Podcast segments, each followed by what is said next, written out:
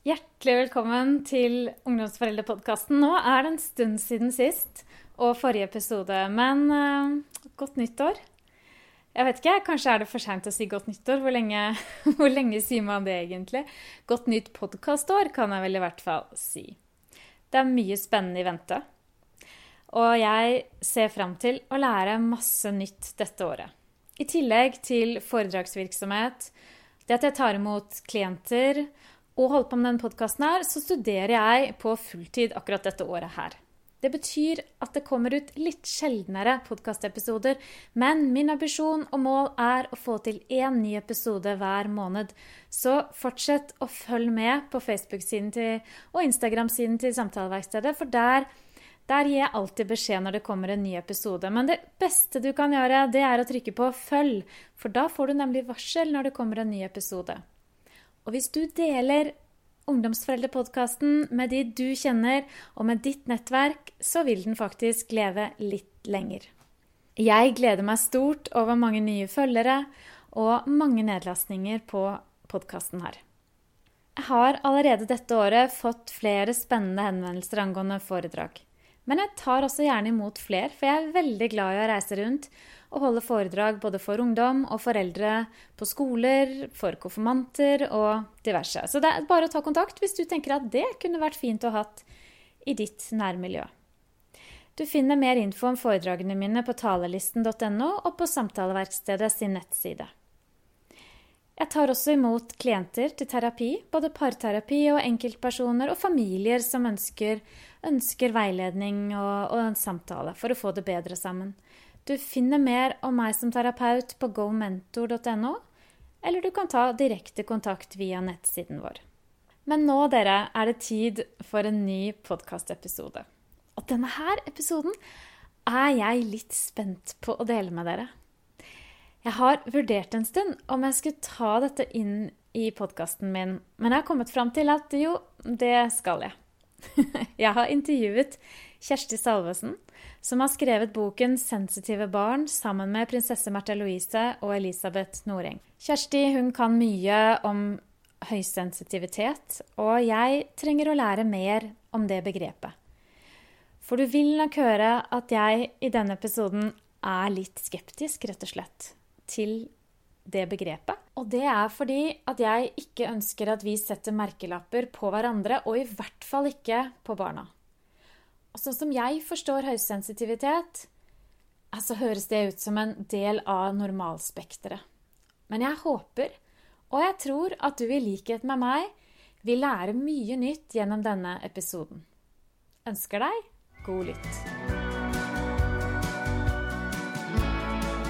Sett det lenge, det kommer til å skje. Du blir voksen, og jeg veit ikke helt hvordan jeg takler det. For de greiene der er søren meg ikke for hvem som helst. Du, hjertelig velkommen til Ungdomsforeldrepodkasten, Kjersti. Tusen takk. Jeg har gledet meg til å snakke med deg. Vi har liksom holdt på en stund ved å få til dette møtet. Men endelig er du her. Og jeg ser fram til å lære litt mer om høysensitivitet. Mm. For det er noe som jeg kan veldig lite om. Men som er et sånt begrep som, som svever der. Mm. Eh, vi har hørt om uh, Märtha, uh, Märtha Louise, mm. prinsessen, som, som, sier at hun er høysensitiv. Og så har vi hørt om engleskolen hennes. Mm. Og så um, tenker jeg at det er et begrep som jeg også jeg er litt skeptisk til. Og jeg tror ikke jeg er alene om det, egentlig. Mm. Jeg inviterte deg hit, for, for, du har altså skrevet denne boken 'Sensitive barn' sammen med Märtha Louise og Elisabeth Noreng. Ja.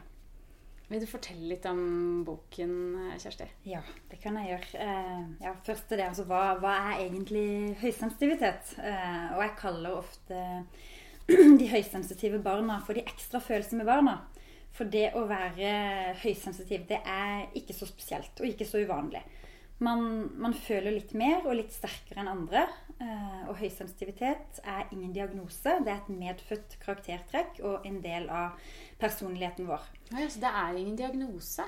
For Nei. det trodde jeg at det var ja. det. Det er et personlighetstrekk. Mm. Ja. Så det å være, være høysensitiv innebærer at man er mer følsom, mer var og mer mottakelig for ulike typer inntrykk enn de fleste andre mennesker. Eh, og høysensitive barn dette er det forska på, har et mer eh, sensitivt nervesystem enn andre barn. Ja. Men, men øh, hvem er det som bestemmer om noen er høysensitive eller ikke? da? Er det en, altså, hvis det ikke er en diagnose, er det, er det noe foreldre på en måte oppdager? Eller hvordan, hvordan finner man ut av om man, om man er såkalt høysensitiv? Mm, altså, alle mennesker er jo sensitive da, i større ja. og mindre grad. Så derfor er det veldig vanskelig egentlig å skulle putte noen i en boks eller gi dem en merkelapp. Så jeg skjønner absolutt uh, skepsisen din. Men uh, ja, så det er vel kanskje foreldre som finner det ut. Men, uh, men, det er ikke nødvendigvis sånn at man skal fortelle barna sine at du er høysensitiv. Men hvis man kjenner at man har merker, ser at man har et sensitivt barn, så, så, kan man tilrettelegge litt og, ja. og ta noen ja, så kan det på en måte være en slags forklaring, da? Eller, eller en hjelp mm. til å forstå det barnet? Mm. Som, man, som, man, kanskje da bekymrer seg for, eller, eller, lurer på hvordan man skal håndtere den, mm. den sensitiviteten. Mm. For vi, vi, som har flere barn, vi ser jo at barna er jo forskjellige. Mm. Noen tåler mye, andre tåler litt mindre. Mm. Noen er Ja. Mm, det fins også tester man kan ta. da. Oh, ja. eh, Elaine Aron, som er pioneren på forskning innenfor høysensitivitet, hun har forska på det i eh, over 30 år. Hun har utvikla en test man kan ta. Så tar man den testen, da, så, så får man en pekepinn. Den fins ja. på, på nettsida til Høysensitivitetsforeninga, tror jeg. Hvis man bare googler det, så, så finner man det. Så det, der får man jo en pekepinn. Men men tradisjonelt har man sagt at uh, mellom 15 og 20% av oss er født høysensitive. Men en ny omfattende studie hvor Elaine Aron og også en uh, svensk anerkjent forsker som heter Silja Aaslund bidrar, viser at så mange som 30% av oss kan være født uh, høysensitive. Du, Kjersti, hvordan kan man som foreldre finne ut av om sitt barn er høysensitivt? Mm. Hvordan merker man det? Det er jo denne testen til hun, Elaine Aron, hvor hun lister opp ganske mange typiske trekk. Men så er det jo selvfølgelig ikke alle høysensitive barn og tenåringer som har disse trekkene. Men jeg tenker at hvis man leser gjennom dem, da, så vil man kunne kjenne igjen en del hvis man har et høysensitivt barn. Og eh, et av disse trekkene er at mange barn eh, som er ekstra følsomme og ekstra sensitive, de er tankelesere. Um, ja, i en dramatisk familiesituasjon, f.eks. For hvis foreldrene har bestemt seg for å skille seg, så vil de høysensitive barna ofte ha merka dette før eh, foreldrene forteller det. Og det er ikke fordi at de har eh, hørt samtaler de ikke skulle ha hørt, men de har merka det på stemninga i rommet, de har sett blikkene til foreldrene, de har kanskje kjent på en avstand foreldrene imellom. Noe er annerledes. Så de på en måte fornemmer ting. Uh, og mange høysensitive barn har også en egen evne til å fange opp ting som vi voksne ikke vil eller klarer å sette ord på. Det kan være vanskelige relasjoner eller situasjoner, og så kommer det plutselig en uttalelse fra et høysensitivt barn som er helt spot on. Uh, et annet sånn typisk trekk er at de kan føle andres sinnsstemninger. Uh, et lite høysensitivt barn i skolegården kan på en måte kjenne litt hvis noen føler seg utenfor, hvis noen er ensomme, hvis noen er triste, har hatt en dårlig dag eller har en dårlig fase i livet. Altså de, de fanger opp en del sånne sinnsstemninger. Eh, mange høysensitive barn har et eh, rikt indre liv, mye fantasi. Eh, de har ofte et rikt språk og ordforråd også. Um, ja, også fordi at man da i løpet av en dag opplever så mye, man eh, tenker mye, man føler mye, så har de ofte syns ofte det er vanskelig å falle til ro om kvelden. Så det er også en ting vi foreldre kan på en måte kanskje bruke litt ekstra tid på sengekanten for å renske ut eh, dagen som har vært, og, og, hjelpe de til å finne roen. Um, så får de mer, bedre søvn. Og eh, har også lest det at høysensitive barn trenger faktisk mer søvn enn andre barn. Men det at man har et mer sensitivt nervesystem, sa du. Mm. Um, hvordan kan man måle Fins det noen måling? Kan man gå til en lege og få, få påvist det? på en måte? Eller hvordan, hvordan ser man det? Eh, forskere kan ved hjerneskanning se at høysensitive mennesker reagerer sterkere både på negative, positive og følelsesmessig nøytrale bilder enn andre. Og Ser de et eh, bilde av noen som lider, f.eks., så vil hjernen deres reagere sterkere sammenlignet med noen som er ikke høysensitive eller lavsensitive. da. Årsaken er at særlig sensitive mennesker de har høyere aktivitet i den delen av hjernen som heter amygdala. Og dette er den delen av hjernen som styrer følelsene våre, ifølge en psykologiprofessor som heter Rebecca Todd. Ja, for det er, eh, det er vel kjent Ja. at amygdala er på en måte hjernens alarmsentral. Så, så de har en økt aktivitet der, altså. Og det, det er i hvert fall noe, da, tenker jeg, som kan måles. Noe annet enn det man på en måte opplever som foreldre, kanskje, til et sensitivt barn. At man, at man faktisk kan, man kan påvise noe. Ja. Um, Og hun sier også at den økte hjerneaktiviteten kan ha betydning for hvordan høysensitive mennesker ser verden. Eh, Så mennesker som har denne genetiske disposisjonen, fester seg raskere ved det som treffer følelsene deres. Og Derfor kan vi si at høysensitive både gleder seg mer og frykter mer enn andre mennesker. Og at ting generelt oppleves sterkere hvis man er særlig sensitiv. Det må være uh, utfordrende å være foreldre, tenker jeg, til et sensitivt barn.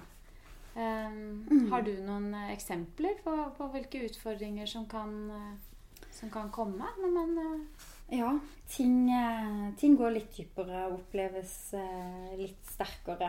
Og, og bare det å bli snakka hardt til, f.eks.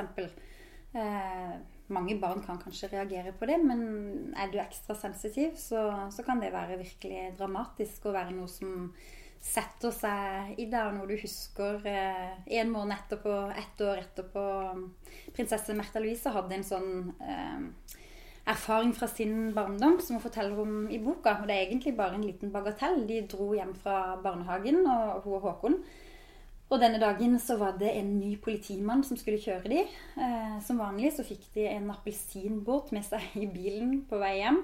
Og denne nye politimannen sa at husk å ta med dere appelsinskallet ut av bilen. Da de kom frem, så hadde prinsesse Märtha Louise glemt det og la fra seg appelsinskallet i forsetet på politibilen. Og politimannen kom ut og lurte på hvem inne i huleste som hadde glemt den beskjeden om å ta med seg dette skallet. Og, eh, og hun syntes da at han var så skummel, og det var noe med blikket, det var noe med tonen, det var noe med kroppsholdninga. Så hun eh, løp bort til sandkassa og klatra opp i masten på, på båten som sto der. Og, og tørte ikke å si at det var hun, for han, eh, han var såpass krass. Um, og dette sitter altså, Fortsatt så kan hun liksom tenke tilbake på det og tenke at det var ekkelt at han snakka så hardt til henne. Ja. ja, Så opplevelsen sitter på en måte litt, litt sterkere i, da. ja. Eh, Men tenker du at, at det kan skade mer enn det kan for et barn som ikke er så sensitivt? Ja, godt spørsmål. Um, Det at det setter seg, altså hvis det er mange sånne ting som, som setter seg, og man ikke får eh, snakka ut om det, så kan kanskje mengden av sånne opplevelser være tøffe. Men igjen så er det jo litt hvordan foreldrene håndterer det. Og har man en høysensitiv forelder, så vil man jo møte forståelse og på en måte få renska det ut. Men har man to eh, ikke høysensitive foreldre, så kan det kanskje være vanskelig å være den følsomme ungen i flokken som ikke blir sett og ikke blir møtt. Hvis du da forteller at dette er vanskelig for meg, dette gjør vondt, så er det litt sånn Men du, ta det sammen. Skjerp deg. Alle blir snakka til på den måten. Det, det må du tåle. Jeg tenker jo litt sånn at, eh, at følelser er ikke farlig, da. Nei. Det å oppleve at man blir veldig lei seg, eller, eller veldig skuffet, eller opprørt, eller sint, det er jo en del av livet. Um, sånn at uh, jeg tenker jo Jeg tenker for min del litt sånn at ok, det er normale følelser som vi skal lære oss å akseptere og leve med. Og at jeg ikke nødvendigvis um, nå snakker jeg på vegne av meg selv, og, og som kan, også, litt andre som kanskje også er litt skeptiske. da, Og tenker litt at, eh, at man ikke trenger å gjøre ting større enn det det egentlig er. Ok, Så følte man, kjente man at noe var litt vondt, eller sånn. Eh, så kan jeg tenke at ja, det var vondt. Det skjønner jeg. Det var vondt, kan jeg si til barna mine. Og, og trøste de, mm. og være der for de i det. Men samtidig si men nå skal vi gå. Nå er det sånn. Nå må vi liksom gå videre. Men vil en som er høysensitiv, høysensitiv selv sier jeg, da, som står utenfor, vil, vil tenke at vil gå mer inn i de følelsene da, og gjøre det større. Tar jeg feil da? Noen ganger så vil de nok det. Og, og, og små ting som man foreldre kan se rasjonelt på ikke sant? og tenke at eh, er dette virkelig så ille? Så ja, for det høysensitive barnet så er det det, for det kan låse seg litt. Så man skal ha litt respekt for det. Og jeg mener ikke at man skal gjøre ting større enn det, men, men ta barnet på alvor, egentlig. Det skal man jo gjøre med alle barn, men, eh, men, for de ekstra sensitive barna så kan det være virkelig små ting som, som oppleves dramatiske. Så, men blir de møtt på følelsene sine, blir de sett, blir de anerkjent, så, så tenker jeg at da er man godt på vei i å møte et uh, sensitivt barn. Da. Ja, Så kan det gå bra. Ja. For jeg tenker Hvis det er såpass mange barn som vokser opp og er, er høysensitive, mm. så er det jo veldig mange av de som, som, ikke har foreldre som er så bevisste på det. Mm. Forskning viser at de, de lykkeligste i befolkninga, hvis jeg kan si det, det er høysensitive barn som har vokst opp i ressurssterke familier i, eh, i funksjonelle hjem. Ehm, de oppgir som voksne da, at de er lykkeligere enn gjennomsnittet av befolkninga. Også lykkeligere enn de eh, ikke fullt så sensitive som har vokst opp i, i like godt fungerende hjem. Da. Ja, hva, Mens, det, hva handler det om, tro? Det handler vel om at følelsesspekteret er ganske eh, bredt, holdt jeg på å si. Altså at man har evnen til å, å virkelig se verden med ganske skarpe øyer, holdt jeg på å si. Altså man, man, tar Ja, man opplever mye godt, og man opplever mye vondt. Og, og har følelsene mer uh, utapå, da. Ja, man har følelsene mer utapå. de enda ja. sterkere. Det tenker jeg, det, er, det, må det jo være en stor glede ved. For mm. da kjenner man jo kanskje ja, akkurat mm. på den gleden mm. enda sterkere. Ja, enda sterkere. Og det er jo når man da har den tryggheten, har blitt møtt på det, og ja. skjønt at det er ok å være med med alle de sterke følelsene jeg har, på godt og mm. vondt. Så, men, men, så er det jo også da i forhold til å vokse opp i uh, dysfunksjonelle hjem og mindre ressurssterke familier, så er det jo da de eh, høysensitive som oftest kommer dårligst ut av det. Du kan vokse opp i en sånn type familie og, og være mindre sensitiv, og så går ikke ting sånn inn på deg, og, og du får det helt fint som voksen allikevel. Men, eh, men, det er vanskeligere da for en høysensitiv eh, person å vokse opp i et sånt hjem. Hva tenker du om samfunnet vårt nå, da? Eh, samfunnet liksom som helhet, Norge i dag. Hvordan er det å være høysensitiv i Norge i dag? Er det um, en høyere aksept for det enn det har vært, eller? Jeg tror fortsatt at man har en, eh, en, lang vei å gå i forhold til arbeid med høysensitivitet. Og det så jeg jo bare i, eh, i forbindelse med jobben med denne boka. 'Sensitive barn'. Jeg prøvde å få med flere norske psykologer som sa nei, fordi at det på en måte ikke er et anerkjent begrep blant norske psykologer. Og så var det helt annerledes i både Danmark og England og USA. Der ønska de å stille opp, for her snakker man om høysensitive mennesker. Og, eh, og, man er opptatt av forskning på eh, høysensitive mennesker. Og man er opptatt av at dette er et eh, karaktertrekk som ikke bare er negativt. Tvert imot. Det kan være virkelig positivt å være høysensitivitet, men forutsatt at du blir møtt som liten, at du blir akseptert med alle disse sterke følelsene. Ja, så du tenker at Norge kanskje egentlig henger litt etter? Eller at vi har så dypt i oss den her norske, robuste hva skal jeg si, ja, holdningen da, som, som nordmenn mm. kanskje tradisjonelt har. Altså, nå, nå, snakker jeg bare ut fra hva jeg tror, da. Men ja. det, er liksom min idé av den trauste nordmannen mm. um, som tåler vær og vind. Mm. Vi skal tåle vær og vind, og vi skal ikke være så mye. Nei. Vi skal ikke føle så mye. Um, vi skal tilpasse oss. Mens i andre deler av verden er det annerledes, da.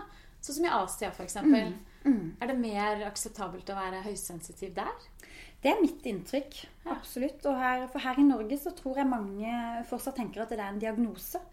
Eh, man har ikke skjønt helt det at det fins en sånn eh, skala for sensitivitet. At vi alle befinner oss et eller annet sted på den skalaen. Men noen befinner seg i den ene, ene enden og er da ekstra sensitive. Og det er på en måte ikke noe farlig eller noe mystisk eller noe skummelt. Det er helt naturlig. Man må bare bli eh, ja, sett og, og, anerkjent for det. Men nå snakker vi jo mye om barna, tenker jeg. Mm. Men hva med tenåringene, da? Mm. Nå er vi jo ungdomsforeldrepodkasten. Vi skal mm. snakke litt om mm. tenåringene.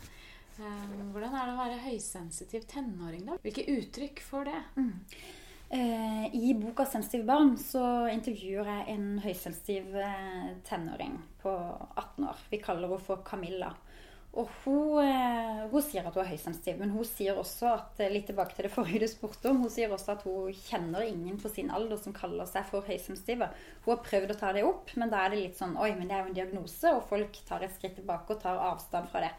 Men, eh, men, hun har på en måte skjønt det, da. Og hun sier at jeg er ekstra følsom, og det må jeg ta hensyn til. Så når hun, eh, vet at hun skal ut på noe som eh, kommer til å kreve mye energi og mye folk og full fart, så slapper hun av litt før hun skal dit. Og etter hun har vært i, i sosiale sammenhenger som har tatt på, så, så, tar hun konsekvensene og trekker seg litt tilbake.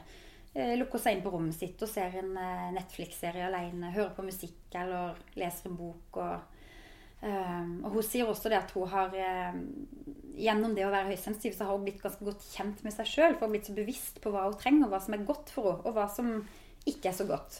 Så f.eks. første året på videregående så var hun mye i kantina, og hun ble så sliten.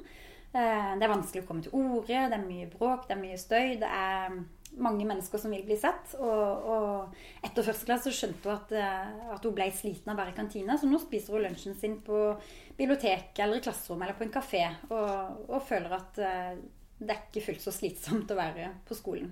Ja, Så det handler litt om å vite om det, eller i hvert fall ta hensyn til ja. det. da, og, og, tilpasse livet litt uh, til det.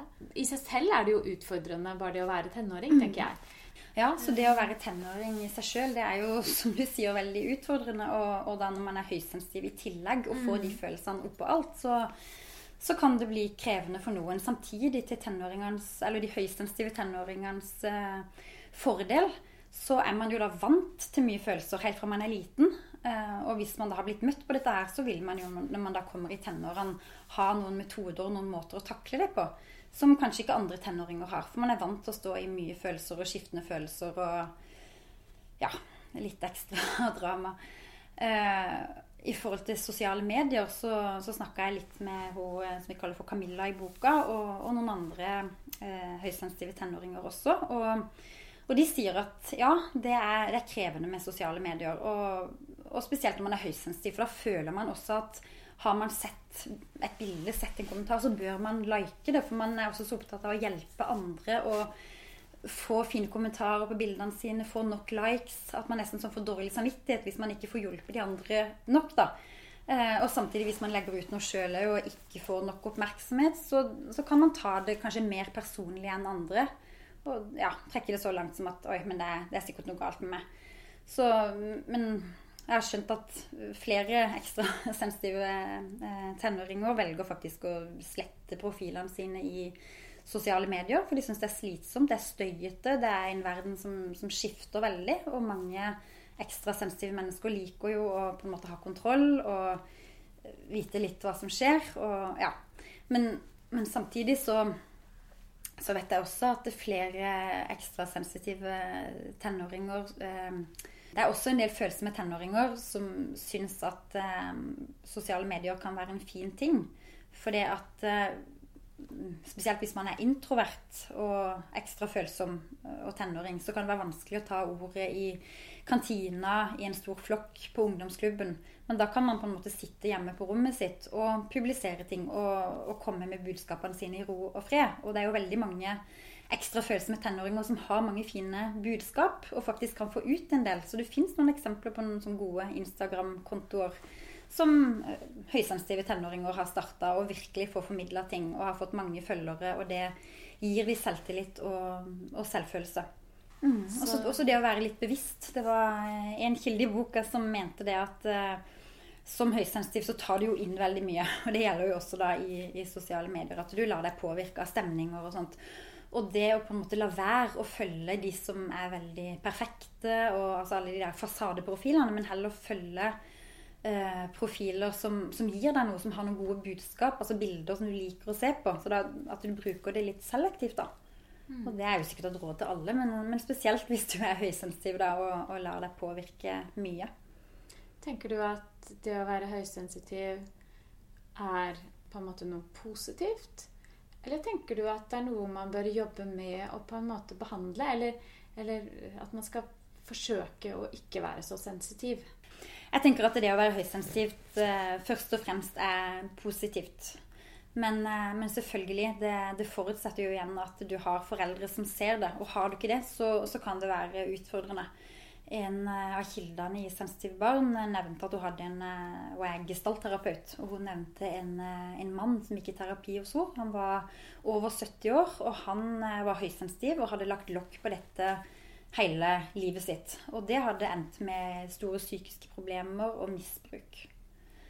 Så, men, men skjønner man at man, eh, man er ekstra, ekstra sensitiv, og, og, man blir sett og møtt, så tenker jeg at det er definitivt en fordel. Det er jo mange journalister, mange skuespillere, mange forfattere eh, og andre altså kreative yrker som er høysensitive, og som har veldig god bruk for det karaktertrekk når de skal sette seg inn i andre menneskers liv. da. Eh, og tenåringer også, som er ekstra sensitive, de er ofte gode å snakke med. Det er mange som kommer til de tenårene for å Altså andre venner da, som kommer for å lufte sine problemstillinger. Og de får ofte gode råd. Folk får ofte tillit til disse ekstra følsomme barna. De er ofte kloke og empatiske. Så jeg syns at det er en fordel. Men du, Kjersti, i boka så skriver dere om fem grunnfølelser. Mm. Har du lyst til å fortelle litt om det? Ja. Det er sinne, sorg, glede, redsel og lyst som er de fem grunnfølelsene. Og i dette kapittelet hvor vi skriver om det, så intervjuer vi EQ-terapeut Dora Torhalsdottir, eh, som er opptatt av følelser.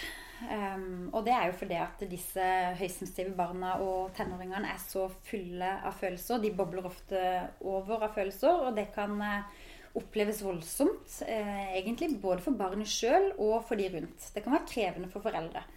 Og det kan være krevende for eh, lærere, andre voksenpersoner rundt barnet, og ikke minst for venner. Så, så, det er på en måte viktig å, å, snakke med barn om alle disse følelsene. Og selvfølgelig la barnet få lov til å ha alle disse følelsene. Eh, men hvis man ser at det blir utfordrende i barnehagesammenheng eller på skolen, så, så snakk gjerne med de som jobber eh, i barnehagen og, og lærere. og foreldre til, til, barnas venner også, hvis man kjenner at det blir mye, for å prøve å skape en, en forståelse uh, for at dette er ikke vondt ment. Det bare blir litt mye noen ganger. Men er det forskjell på, er det forskjell på gutter og jenter? Er det flere jenter som er høysensitive enn gutter? Nei, det er ingen tall som viser det. Det skal være ganske jevnt fordelt. Men det er interessant at du spør, for jeg tror mange har inntrykk av at det er flere følsom, ekstra følsomme jenter enn ekstra følsomme gutter. Men det handler nok om at det er mer eh, akseptert å være høysensitiv jente. Man drømmer kanskje litt, man ser verden på en dypere måte enn andre. Og ja, man har behov for å trekke seg litt tilbake og være litt for seg sjøl. Og det er nok lettere som jente enn som gutt. Som gutt så forventes det at du skal finne din plass på fotballaget og i gjengen og i mengden. Og, og, en gutt som på en måte trekker seg litt tilbake i skolegården vil være litt for seg sjøl, det er kanskje litt mer underlig. Media skriver nok også mer om, om, disse jentene enn om disse guttene. Og jeg tror foreldre også kanskje at det er, ja, det er mer akseptert. Man snakker mer om de høysensitive jentene enn de høysensitive guttene. Um, I boka så har vi intervjua en forsker som heter uh, Ted Saff, en amerikansk psykolog. Og han har jobba med høysensitivitet i over 25 år og har retta sin forskning inn da, mot eh, gutter og menn som er høysensitive. Og han sier at altså, uttalelser som 'gutter gråter ikke', og 'du er gutt, du må tåle dette og ikke være så nærtagende', det, det bidrar til at uh, gutter uh, lærer at de liksom skal manne seg opp, de skal ta seg sammen. Og igjen så fører det til at de vokser opp og føler seg som halve mennesker. Og det kan få konsekvenser som at de blir på en måte ekstra mandige. For de blir så veldig opptatt av at de er jo mann, jeg er jo gutt, jeg må ta meg sammen. Uh, og det er jo en uheldig konsekvens, da. Så han mener at eh, har du en høysensitiv gutt, så må du være ekstra bevisst som forelder da, på at denne gutten får lov til å være følsom. Og om denne gutten har lyst til å spille et instrument eller drive med teater eller så er det på en måte helt greit å ikke spille fotball, ikke, ikke drive med sport. Altså, han må få lov til å uttrykke sine sensitive sider og, og være, være, den sensitive gutten. Vet du hva jeg på en måte sitter igjen med, Kjersti? Mm. Det er liksom opplevelsen av at dette her handler egentlig bare om at vi må akseptere at vi er ulike. Mm akseptere barnas følelser og de uttrykkene det får. Mm. Uh, men samtidig sette rammer, tenker jeg da. Mm. Uh, men, men, at det er egentlig det det bunner litt ned i. Og, og, det gjelder vel egentlig alle mennesker. Uansett hvor sensitive de er, så trenger vi jo alle å få lov til å få aksept for at vi er ok, og at vi Um, så det handler det- ja, egentlig det var- litt om det. Ja, og det var litt det, Når jeg satt og skrev denne boka, så syns jeg det var litt sånn vanskelig å på en måte Ok, hvem er høysensitiv, og hvem er bare sensitiv, og hvem er lavsensitiv? Så det, det er jo ikke noen sånne veldig tydelige skiller. Så, og jeg også tenkte litt på det mens jeg skrev, at bør ikke egentlig alle barn møtes som om de var sensitive? For når man har et sensitivt barn, så på en måte da, da må man stille spørsmål, man må se, man må være nysgjerrig, man må eh, tilpasse litt og ja, så, så jeg også tenker at det er noe i det. Men, eh, men samtidig så er det jo da disse ja, 15-20 eller kanskje faktisk 30 av det som er mer sensitive enn andre. Eh, og som, som har noen fordeler, men også noen ekstra utfordringer. Og det, de utfordringene de kan synes både i barnehagen og i skolesammenheng. og så, så de ligger der for disse høysensitive barna, tenker jeg. Og det, det må man være bevisst på som forelder. Når det er såpass mange, Mm. opp mot 30% så tenker jeg da da er det ikke lenger noe som er annerledes. Da Nei. er det egentlig noe som er vanlig. Eh, og da må nok jeg fortsatt innrømme at jeg skulle ønske vi slapp å bruke det ordet. Mm. At vi bare kunne, kunne si at vi er forskjellige. Mm. Og at, at vi, skal, vi skal møtes for det, på den vi er, da. Og få Mm. lov til å få aksept for det. At det er egentlig, egentlig det det handler om. Så Mm. det er nok mitt eh, det er nok mitt eh, ønske egentlig Ja. fremover. At det er, det er egentlig der vi må jobbe istedenfor å, å sette hverandre i båser, da, på en måte, eller, Mm. eller eh, klassifisere hverandre. Men at vi, at vi kan jobbe for at, eh, at det med følelser egentlig kan være noe som er positivt. Fordi det gir så mye glede i livet når vi Mm. våger å kjenne på dybdene. Mm. Og når vi eh, ja, når vi aksepterer at, at livet består av opp- og nedturer. Mm. Uh, og også at barna også kan få lov til å, å få aksept for at, eh, at de kan være sinte, at de kan ha dårlige dager, og at det, det er normalt. Det er ikke noe vi trenger å rette på. Nei, Eller? Dora Det- Thorhalsdottir hun sa det sånn som at eh, altså, høysensitivitet er ikke noe mer spesielt enn at du har mørkt hår og du har lyst hår. Altså, så, så vanlig er det på en måte. Ja. Så jeg tenker at det, det ligger noe i det. Håper jeg at vi i fremtiden kan snakke om det på den måten. Ja. Som en del av, av normalspekteret, Mm. egentlig. Mm. Og jeg tenker også at det er kanskje ikke en god idé å si til barnet ditt at du er høysensitiv. Um, fordi at det kan også bli en sånn ting man bruker, at jeg er så sensitiv. Og det skal det jo ikke være. Men samtidig så tenker jeg også at det er viktig at barnet skjønner at det er eh, sensitivt, eh, ekstra følsomt. At det kan også hjelpe barn til å forstå hvorfor det reagerer så sterkt. Hvorfor det reagerer sterkere enn alle andre. Ellers kan man føle seg ganske ensom. Og det var litt sånn som de barna som, som vokste opp som høysensitive på, på 70- og 80-tallet og, og tidligere også. At de ble fortalt at du, du er så mye, du er så voldsom, kan du ikke dempe deg litt? Og det er veldig vondt å få høre når man er høysensitiv og det bobler over.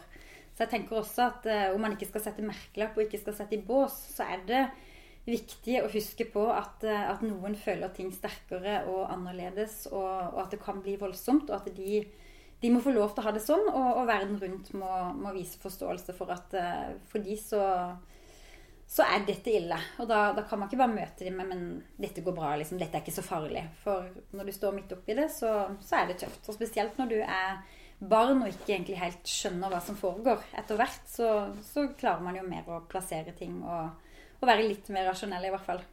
Men for meg, Kjersti, så er det fortsatt litt sånn litt uklart. Hvor går egentlig skillet mellom det å være normal og det å være som, sånn som alle andre med følelser som går opp og ned, og det å på en måte kunne Og det å si at noen er, noen er høysensitive og har det karaktertrekket. Hvor, hvor går egentlig skillet?